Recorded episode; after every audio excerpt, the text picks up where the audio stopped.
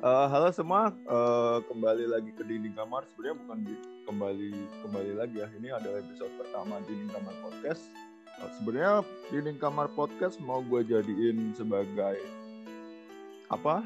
Uh, nge-publish puisi sama cerita pendek gue, tapi karena gue mager, ya udahlah. Mending ngobrol-ngobrol aja kayak teman-teman gue yang di network sana. uh, di sini gue kedatangan teman lama gue, ada dari komunitas penulis ada yang pertama ada Asmi Novia. Hai. Eh, bentar, mau ngenalin gue pakai nama asli gue apa nama ini gue nih? Ya terserah lu, lu, lu, lu mau Silakan, pakai nama asli apa? Lu mau pakai nama asli apa mau pakai nama pena? Eh, terserah anda. Asal jangan nama Yaudah. mantan aja. Aduh. So, yang yang kedua ada Herudin, dia juga penulis Herudin. juga. Ada Ya, Heruka oh. ya nama penanya. Ya saya di sini. Dua-duanya. Ya, Ya, di gimana? sini. Eh, gimana kabar kalian? Well, kita dulu temen nongkrong ya, tapi setelah masa-masa gelap, kita udah udah udah Masing-masing gelap ya. Iya, Enggak, gue terang-terang aja. ya. Oh, ter Oh, Eh, Anda yang pertama Gelap kali gelap ya dulu ya. Beli lampu LED-nya beda. eh, Gimana kabar, kabar gue. kalian masih? Oh iya. Ya. Eh, untuk untuk ngasih kabar selama empat tahun ke kamu tuh nggak bisa dis describe dengan satu kalimat ya. Ah, nggak bisa. Iya, pertanyaannya ini kayak sangat sulit. gitu. Pertanyaannya sangat sulit dijawab. Ya udah skip lah lu lah. Eh, Pea, gimana kabarnya? Gue cuma satu kata aja, good. Udah, ya nggak Oh. sesulit Heru kok. Oke, sip. Wah, Lihat sangat. ya. Waduh, Good. sangat datar sekali ya ini. Iya, gue tuh cool orangnya. Aduh, hubungan kita sudah sedingin itu ternyata. Tetap ya, pokoknya guys, yang ngedengerin podcast ini siap-siap sama bisanya Furkon ya. Dia suka nebar bisa Iya. di mana-mana. Eh bentar ini Ya, episode satu Saya beneran. sudah tobat. Itu tanya aja sama yang rekam. Ya, yang mana yang saya sudah tobat ya, Mas. Paling dibayar itu yang ngomong. Eh, Oke, gue opening dulu ya. Eh, kali ini gue untuk episode pertama ini gue bakal bahas tentang seberapa penting prolog dan epilog dalam sebuah cerita. Eh, karena menurut gue ini pembahasan yang unik ya. Apalagi sebagai seorang penulis dan se- seorang pembaca pasti kita sering memperdebatkan dan sering mempertanyakan sih kayak eh, seberapa penting sih prolog dan epilog dalam sebuah cerita gitu. Emang Eh, iya? makanya eh tolong jangan disaut dulu ya kayak Eh, karena itu gue karena itu gue menghadirkan dua orang teman gue yang juga seorang penulis Eh, oke gue bacain trivianya dulu ya Eh, prolog ada bagian adalah bagian pengantar atau pembuka dalam sebuah cerita. Dalam prolog, biasanya kita diberikan tentang gambaran umum tulisan tersebut. Prolog ada eh, epilog ada penutup dalam sebuah cerita. Nah, menurut kalian, buat Pea sama buat Heru ya, yang seorang penulis, seberapa penting prolog dan epilog dalam sebuah cerita? Siapa dulu yang jawab? Yang penulis beneran dulu deh. Oke. Ah, Lu iya penulis dong. bayangan. Penulis nggak lanjut-lanjut. Oh ya, Harmono ya. Silakan. Furkon Oke, ya, oke. silakan Furkon jawab. Gue terakhir deh. Gue terakhir Oh, iya. Dong. Oh yang nyimpulin. Jadi gue dulu duluan nih. Ah, Iya Pea dulu. dong. Jadi menurut gue, em, hmm, prolog sama epilog penting atau enggak? Ini pertanyaannya ada yang lebih sulit nggak? Wow. Nanti udahlah. Untuk episode pertama yang ringan-ringan dulu. Ah, Ini jawabannya cuman eh, kalau menurut gue mah lebih ke style ya, karena hmm, membuat nulis novel gitu misalnya. Mau ada prolog atau epilog, yang penting isi tengah ceritanya. Prolog atau epilog cuma style aja, mau di jadiin pemanis kah atau enggak kah gitu.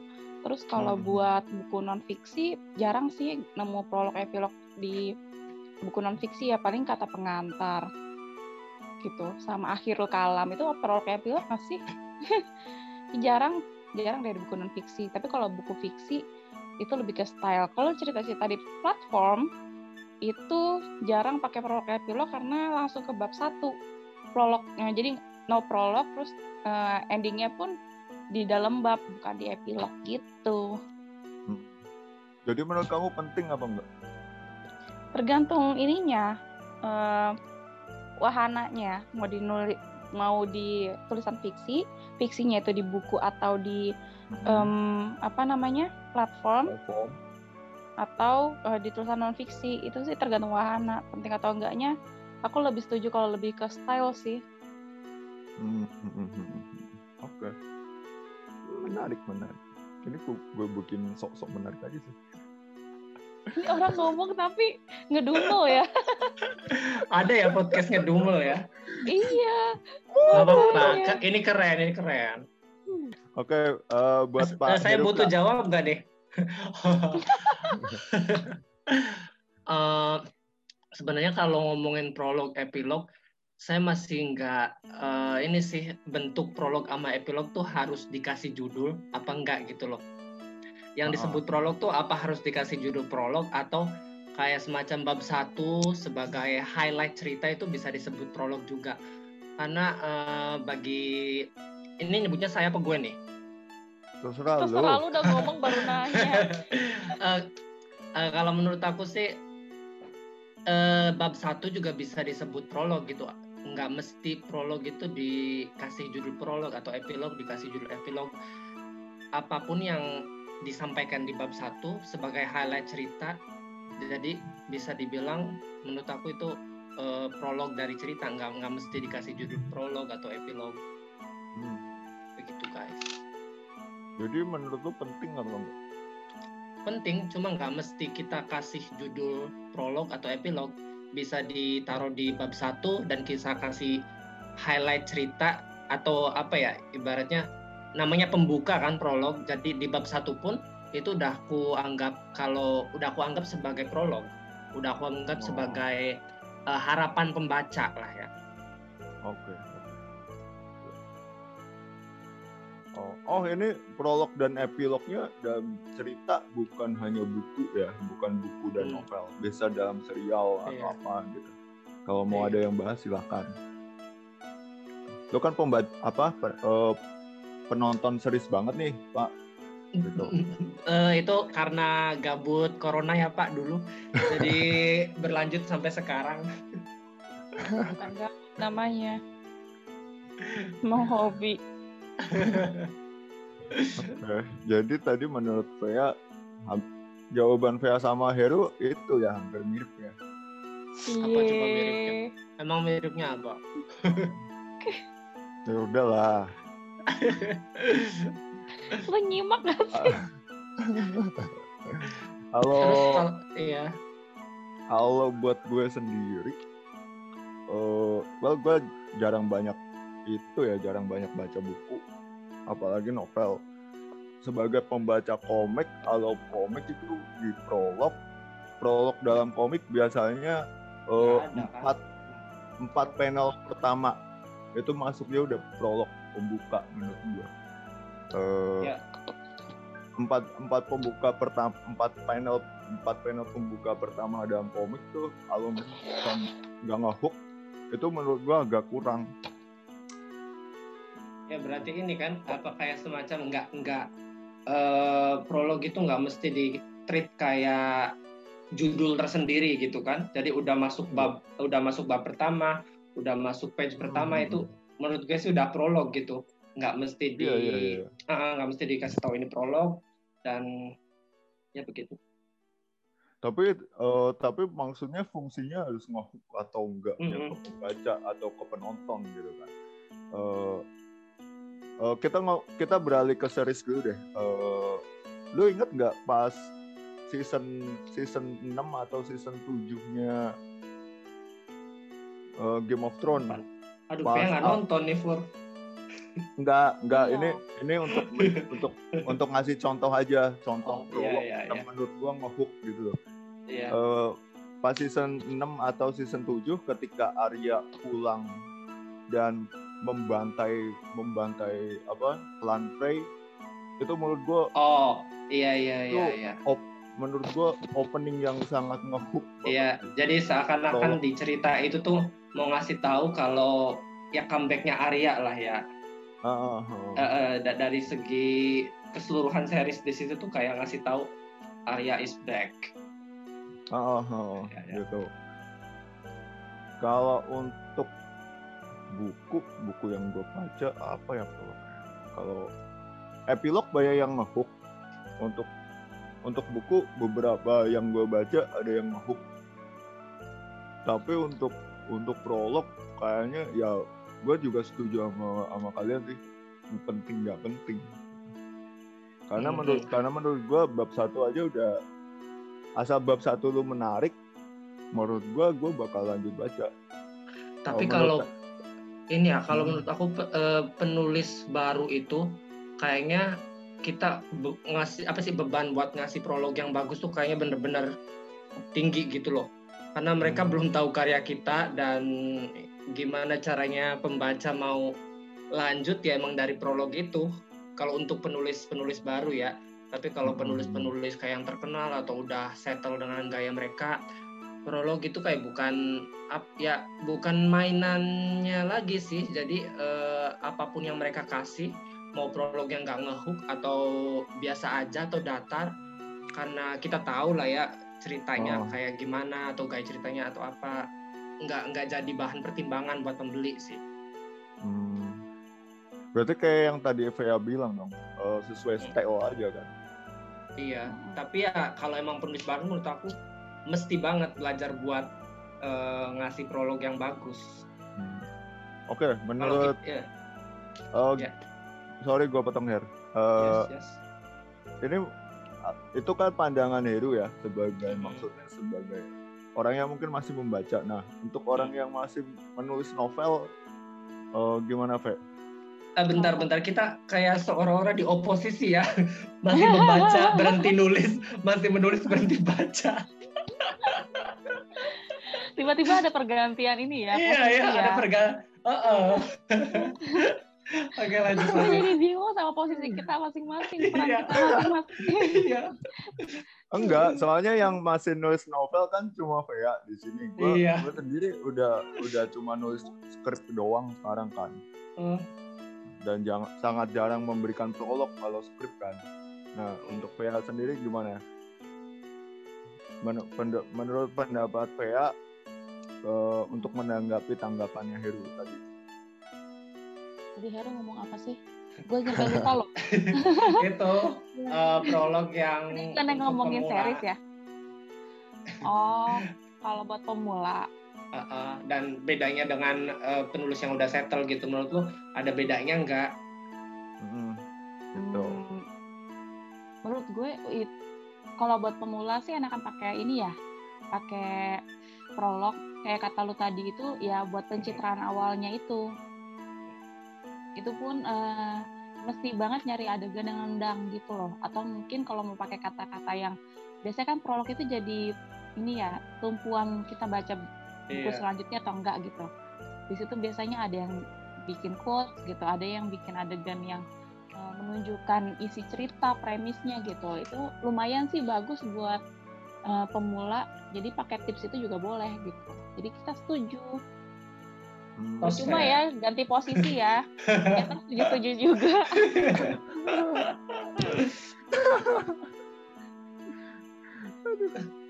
Sangat labil ya.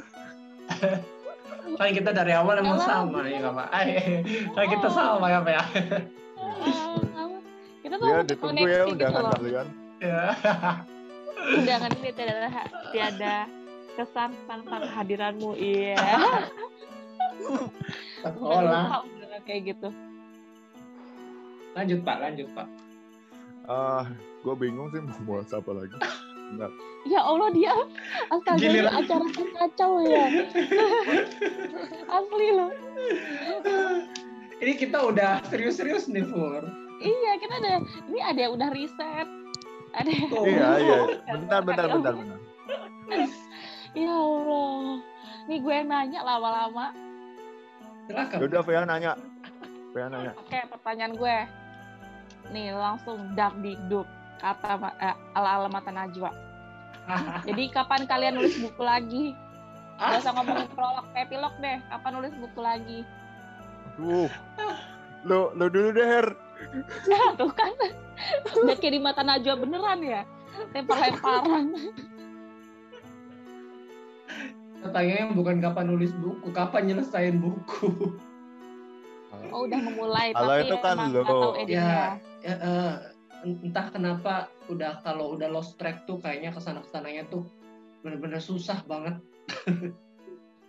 Hmm, berarti lu kesulitan di menemukan eh Balik melanjutkan lagi. sampai ending ya. Ah, ah. Iya betul. Kayaknya apa sih kurang ini kali ya mungkin. Nggak tahu deh, gue nggak bisa nemu jawaban. Eh, Sebenarnya lu karena mencari lagi mencari-cari alasan aja sih buat menulis lagi. Kalau menurut gue itu. Oh gini loh, kayaknya kalau gue Maya dulu dorongan nulis tuh kayaknya bener-bener kalau gue ya dulu emang naif Hmm. banget sih kayak ben- bener-bener pengen pembuktian gitu loh. Jadi kayak ada temen yang berhasil nerbitin buku tuh gue sampai kepikiran. Jadi kayak nih gue harus bisa, gue harus bisa. Jadi karena dorongan itu, dorongan nggak mau kalah, ujung-ujungnya Oh. ya itu mau nggak mau gue maksa terus nulis. Tapi setelah itu ya kan eh, kerja dan sibuk dan segala macam dorongan kayaknya gampang nggak nggak gampang puas juga sih kayaknya dorongan untuk bersaingnya udah lemah Yo, daun ya. Down. No kan, enak kan pertanyaan kayak gini jawabannya lancar, Butuh butuh penyemangat nggak? personal. Her? Itu penyemangat nggak tuh? So sweet banget lah bromance itu tuh. Sampai ditanyain butuh penyemangat enggak? Betul lah, kalian ke Sunda Kelapa sana. apa ada apa di sana Ada kunci yang jatuh di selokan. astaga senopati eh suropati Suropati. senopati ya ya ya gue perlu ayo jawab. prolog apa lagi guys Iya kan Enggak, itu. Dia mau jawab. oh iya iya iya Oh. lupa lupa Kalau gue, gue kayak udah memutuskan buat tidak menerbitkan buku lagi deh. Kalau gue, oh udah Masih komik kan Eh, iya masih tetap menulis, tapi gue sekarang lagi suka dan nyaman sama, well komik kan karena beberapa hal komik gue nggak terbit-terbit. Dan sekarang gue lagi nulis drama audio gitu, nulis skrip dan gue lebih nyaman sama itu gitu, gue lebih mungkin karena eh dari 2018an gue nulis skrip kan, belajar belajar nulis skrip, terus gue ke mana-kemana nyoba mau ngisi blog sama cerita-cerita pendek tapi tapi jatuhnya jadi agak kaku gitu loh pak. Kaku bukan dalam diksi ya tapi kaku dalam menulis gitu kayak anjir gue gue nggak bisa bikin bisa bikin kalimat yang yang sesuai sama buku lagi gitu. Terus karena eh, udah tahu hmm, motong Ya. gue. Eh, menurut lu ini apa sih namanya pasar lu juga kan kayaknya Raditya Dika juga kan maksudnya yang dulu sebagai referensi lu gitu kan kayak Raditya Hmm. Dika, Shitlisius gitu kan kayaknya udah nggak muncul-muncul lagi gitu kan kayak penulis-penulis yang dulunya ada di genre lu juga kayaknya udah ngilang juga gitu itu salah Hmm. satu faktor juga nggak Lu Oh, ngapain sih mainan sih. koin? Nggak bisa diam kedengeran lagi eh, Terus enggak terus? tapi well anjir eh, agak berat sih ini tapi ini pengakuan gue ya Topik sebagai ini karena Mm. karena kalian teman gue gitu Wih, ya Mm. gila bro Mhm. kita sering nongkrong dulu bro Emang? ingat itu Iya. Zaman gak punya Enggak. uang ya. Iya. Sekarang pun masih sih saya. Eh, kalau dari gue sendiri pertama kenapa gue memutuskan untuk berhenti uh, sama buat nulis nulis buku? Pertama gue benci industrinya. Asli men. Gue kayak udah capek. Mungkin kenapa gue uh, benci sama industrinya? Karena komunitasnya juga ya kita tahu lah komunitasnya kayak gimana. Gitu loh. Ya gimana emang ya ya well gini loh. Uh, gua mau gua memutuskan berhenti ketika wetpad uh, ketika wetpad lagi naik. Bukan karena wetpad lagi naik enggak. Tapi kat, uh, ketika ketika wetpad naik ada ada beberapa orang-orang garis kiri gitu yang sangat mengagung-agungkan sebuah genre katakanlah. Mereka mereka bilang dan mereka menghina-hina uh, ah tulisan kayak gini dong buat apa? Gitu. Sementara sementara buat gue pribadi uh, ketika website naik ya udah maksudnya ya udah dukung. Kenapa nggak nggak nggak lu dukung aja sih? Gitu. Kita komunitas kecil loh. Kita belum kita bahkan belum bisa jadi industri yang sangat menjanjikan. Uh, gue sendiri, uh, gue sendiri nulis buku. Lap, buku gue paling laku itu buku ketiga yang kolaborasi komik gitu. Hmm. Itu paling penjualan 2000 men. Coba, Mbak. Coba bayangin. Uh, iya. Bagus. Jadi lu nyalain bagus. orang yang beli gitu. Enggak, gini loh Enggak gini. Yeah, yeah. Uh, buat buat buat lu uh, buat buat kita sebagai penulis 2000 itu angka yang besar. Tapi untuk gua untuk gua pribadi uh, 2000 itu angka kecil. Karena karena menurut gua ini bisa lebih, bisa lebih dalam artian kalau industri itu mendukung, ngerti nggak sih? Kenapa kenapa kenapa industri industri perbukuan kita nggak nggak uh, bisa kayak Jepang atau Mali atau ya negara-negara lain gitu yang yang pembelinya banyak. Dan ketika ada wetpad naik yang ya emang si wetpad stempelnya selalu dibaca berjuta-juta kali gitu. Ya kenapa gitu? Kalau misalkan tulisannya ringan dan cuma bisa jadi cemilan emang kenapa gitu? Kenapa kita nggak bersatu dan mendukung satu sama lain sih? Kenapa Itu... harus harus PR yang, PR yang panjang pur PR iya. yang panjang nah itu dia dan penerbit pun diam-diam aja gitu kayak ya mereka mereka penerbit mau mau nyari duit ya lewat situ kan. Maksudnya mereka gimana pun juga ya masih nyari duit gitu.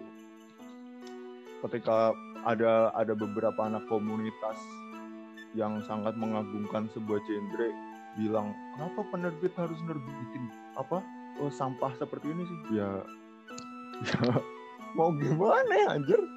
Lu emang lu kalau lu kalau nggak itu ya kalau misalnya nggak suka lu bikin sebuah karya gitu loh. Bikin sebuah karya lu pasarkan sendiri. Oh kenapa harus menyalahkan industri? Industri hmm. emang nyari, buat nyari duit kan? Kayak gue bukannya itu statement lu dari awal ya? Iya iya. Enggak justru kontradiktif tau Ru Iya, iya maksudnya dia, dia bilang kan benci sama industrinya. Ah, nah, tuh berarti lu pihak banget ya. Iya. uh, maksudnya lu pihak yang membencinya atau lu pihak orang yang yang nggak suka sama orang yang membencinya. Nah, tuh dua-duanya. Gini ya, berarti uh, gue ngerti deh. Kayak lu tuh benci sama industrinya tapi lu nggak nah. suka juga sama orang yang terang-terangan iya, benci sama industrinya gitu emang double gitu ya double kenapa gue benci industrinya? Pertama uh, industri industri buku buku di Indonesia harus sangat mengagung-agungkan romance. Harus harus kita akui itu Susah, ya kan iya, nah ini sementara angan-angan yang sangat iya ya? iya. Mustahil menurutku ya sementara uh, kalian uh. kalian tahu kalian tahu sendiri lah gue udah udah nggak bisa nulis romance ya yeah. ya drama audio kemarin lumayan sih gue gue kemarin habis ngeluarin drama audio dan itu romance ya lumayan lah itu buat penyegaran mungkin dan jawabannya panjang. gini loh pas kok pas gue nulis komik pas gue nulis komik pun yang dicari adalah eh, Mana romance gitu ya? iya mana romansnya? Oh. anjir pengen gue hajar nggak itu? Ya emang sih itu yang laku. Cuma ya udah. Apakah Tuh kan. saya protes?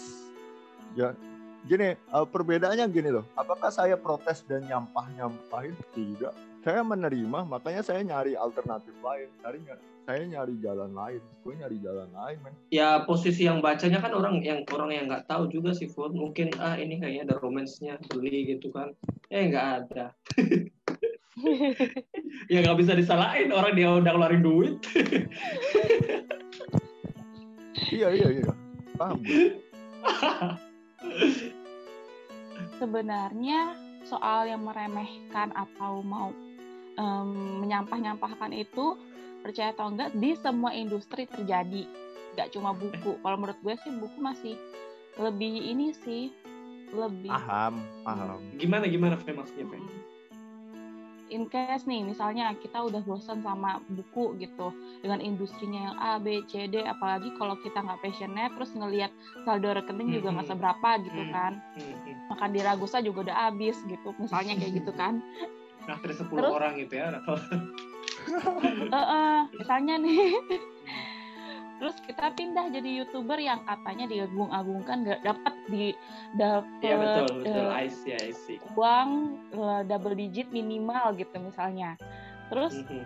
eh, akan ada suatu hari di mana selera kita pun disampah-sampahkan gitu jadi menurut gue sih eh, Di mana-mana ya. kayaknya semua industri kayak gitu even kalau misalnya lu ngajar nih Ru, sebagai guru terus dengan me- metode lu yang menurut lo fun ternyata guru sebelah bilang kok ngajarin anak kayak gitu sih gitu kan pasti ada Toxic opini Itu gitu ya. Iya ya. Heeh. jadi em, menurut gue sih eh, itu alasan gue yang bikin bertahan di dunia buku menurut gue karena ya karena gue suka aja sih gitu. Gak ada yang nanya juga mungkin ya. Cuman em, nggak apa-apa. alasan cuman a- alasan buat kayak membenci industri gitu-gitu ujung-ujungnya bakal destruktif ke diri kita sendiri gitu. Kita ngesebel sama industrinya kita benci sama orangnya. Terus eh, kita pindah gitu terus polanya. Itu bakalan kayak bikin kita nggak ahli dalam satu bidang. Itu sih yang menurut gue gitu. Jadinya eh, kita belajar di sini terus kita destruktif sendiri pindah lagi ternyata di bagian itu ada bad side-nya lagi kita pindah lagi gitu. Jadinya yang terjadi adalah ya bagusnya Nggak adalah kita settle beradaptasi. ya. Mm-mm. bagusnya kita bisa beradaptasi nih kita belajar dari ulang lagi. Ternyata eh, ketika orang lain udah ahli kita nggak punya keahlian. Itu yang bikin eh jelek gitu itu masuki ke apa namanya momen-momen quarter life crisis sih Hmm, hmm, hmm. Hmm. I see, I see, Misalkan ya ada satu doang prolognya bagus tapi eh, epilognya jelek atau iya makanya kalau ada satu buku nih eh, prolognya jelek ibaratnya lama gitu bikin kalian nggak betah awal-awal tapi setelah pertengahan dan ke belakang itu udah nemu alurnya terus sampai dikasih epilog yang bagus sama yang cerita yang prolognya udah nendang tapi ujung-ujungnya kalian ngerasa ya jelek gitu loh lebih suka yang mana dan lebih enakan di enakan yang mana untuk dibaca pilih mana gitu preferensinya Hmm. Prolog Hmm. bagus, epilog bagus. Iya katakanlah prolog bagus tapi epilog jelek atau ep prolog jelek tapi epilog bagus. Prolog jelek tuh maksudnya nggak ada sih ya prolog yang jelek ya. Maksudnya prolog jelek tuh Cuma kayak lambat. semacam iya lamban. Banget kan banyak orang yang nggak bisa keep up bukan keep up ya bisa tahan dengan pace bacaan yang lambat gitu. Tapi isinya bagus nggak?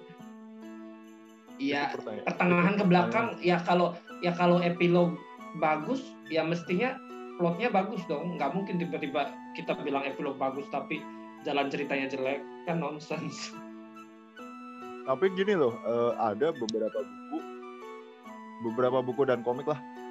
Prolognya bagus pak. Hmm. Di tengah tuh kayak udah kehilangan arah jalan ceritanya mau ke mana gitu. iya makanya lebih lebih lebih pilih yang mana gitu kalian kalian kalau kalau gue sih kalau gue pribadi ketika di pertengahan udah udah enggak itu gue tinggal gue yang sekarang ya gue yang sekarang Iya. pasti gue tinggal gitu ngabis ngabisin energi Hmm.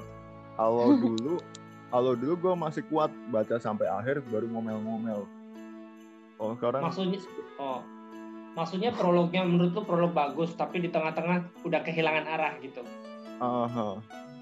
oh berarti berarti kayak apa ya ngasih harapan palsu gitu ya. Pokoknya prolognya bagus tapi ke sana ke sana tuh kayak nggak sesuai harapan. Jadi mending Hmm. tahan tahan di awal ya kalau gue makanya tahan di awal awal. Tapi iya. ya nggak banyak orang yang mau yang yang bisa tahan dengan model bacaan kayak gitu. Kecuali kita kayak tadi udah tahu penulisnya. Kalau kita udah tahu penulisnya gitu kan eh, dari awal sampai tengah menurut kita nggak ini juga karena mungkin kebawain ya kebaya referen kebawa referensi orang terus kebawa nama besar jadi ya kita otomatis dibawa aja terus mau mau tahu gitu sebenarnya ini ceritanya dibawa dibawa kayak gimana tapi kalau untuk penulis baru ya Mm-mm. prolog sampai ke tengah lambat banget itu udah jamin ditinggal deh Mm-mm. menurut aku ya Hmm. balik ke statement Gue mau jawab sebenarnya kayak gitu, Ru. Baru Hmm. mau gue jawab, tapi ya sudah. Udahlah, Lanjutin, kalian nikah aja. Gue dermawan ke orangnya. Jadi lain kali kalau mau ngajakin podcast mendingan diwakili aja ya oleh salah satu.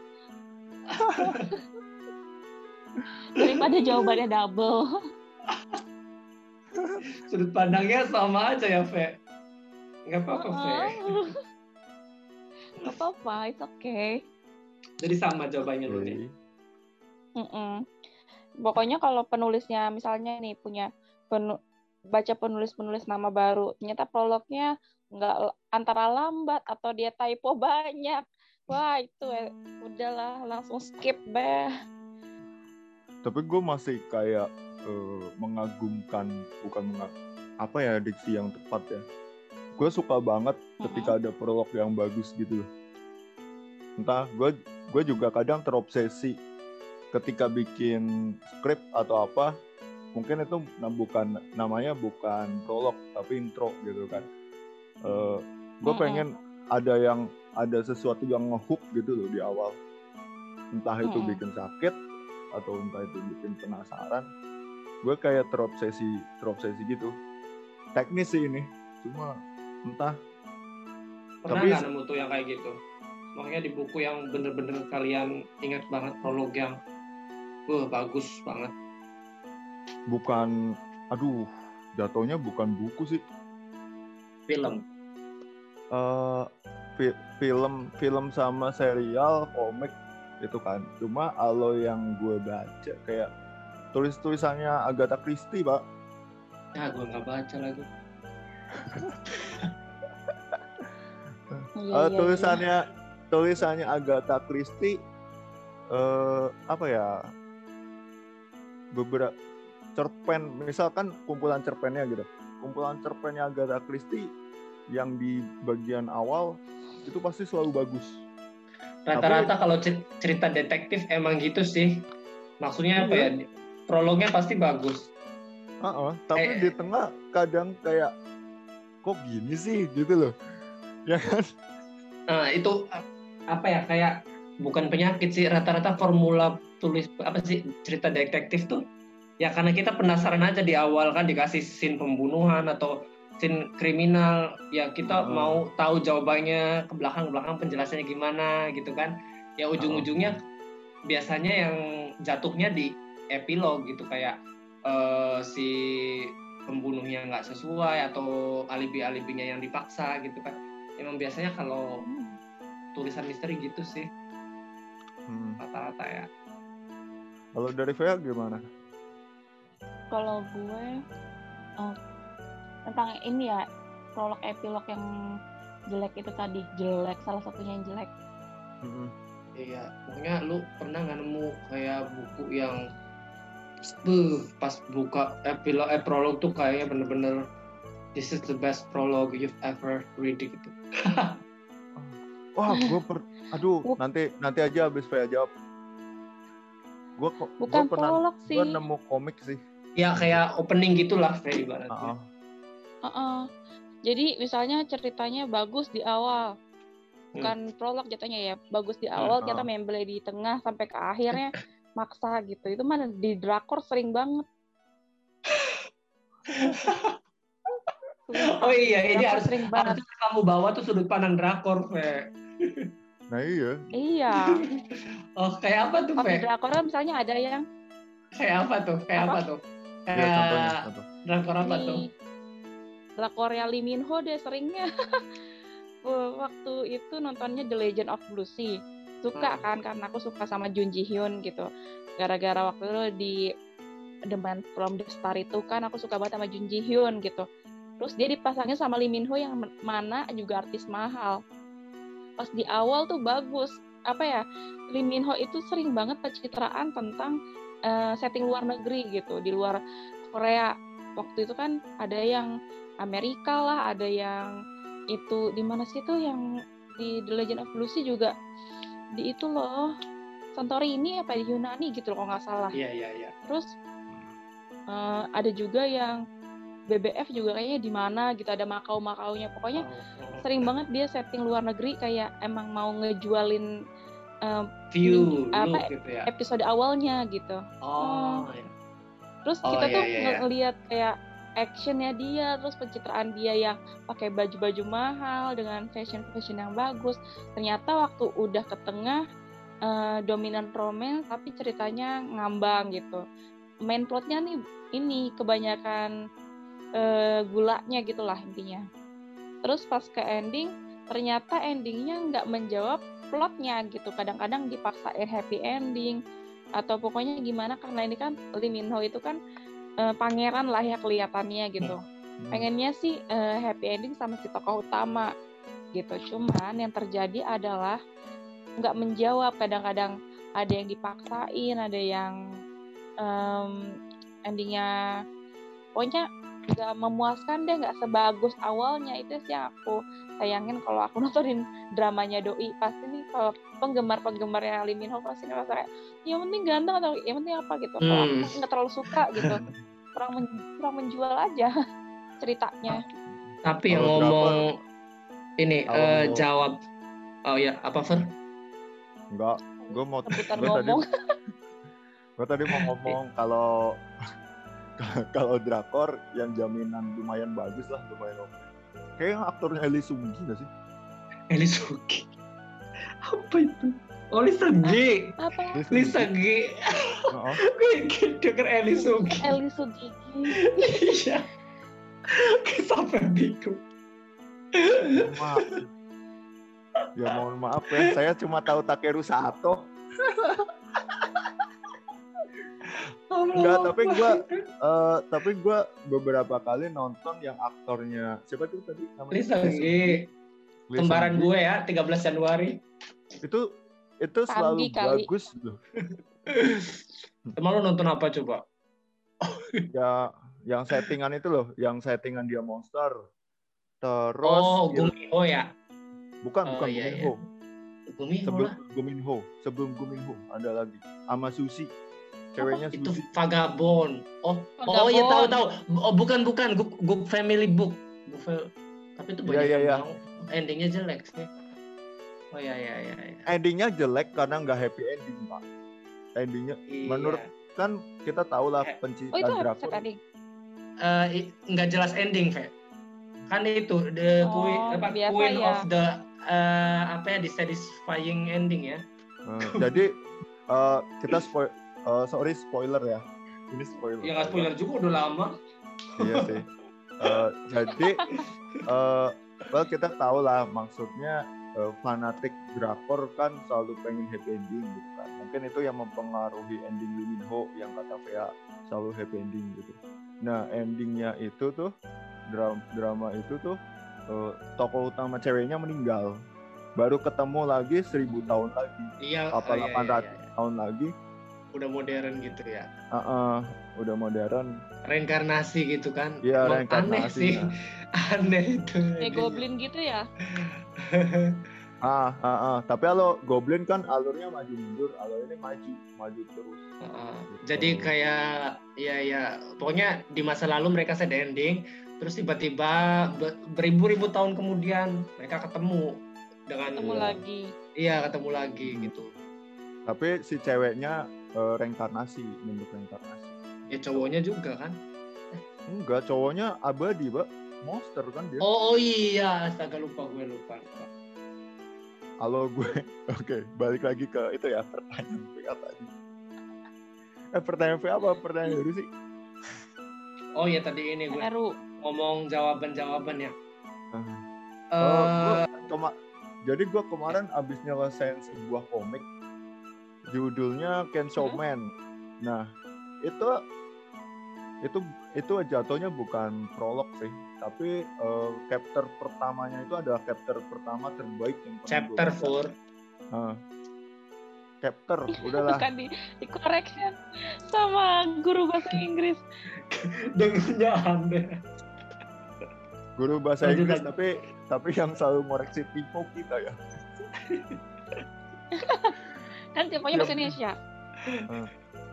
Eh, pokoknya epi- apa namanya ep- episode pertamanya itu episode pertama terbaik yang pernah gue baca.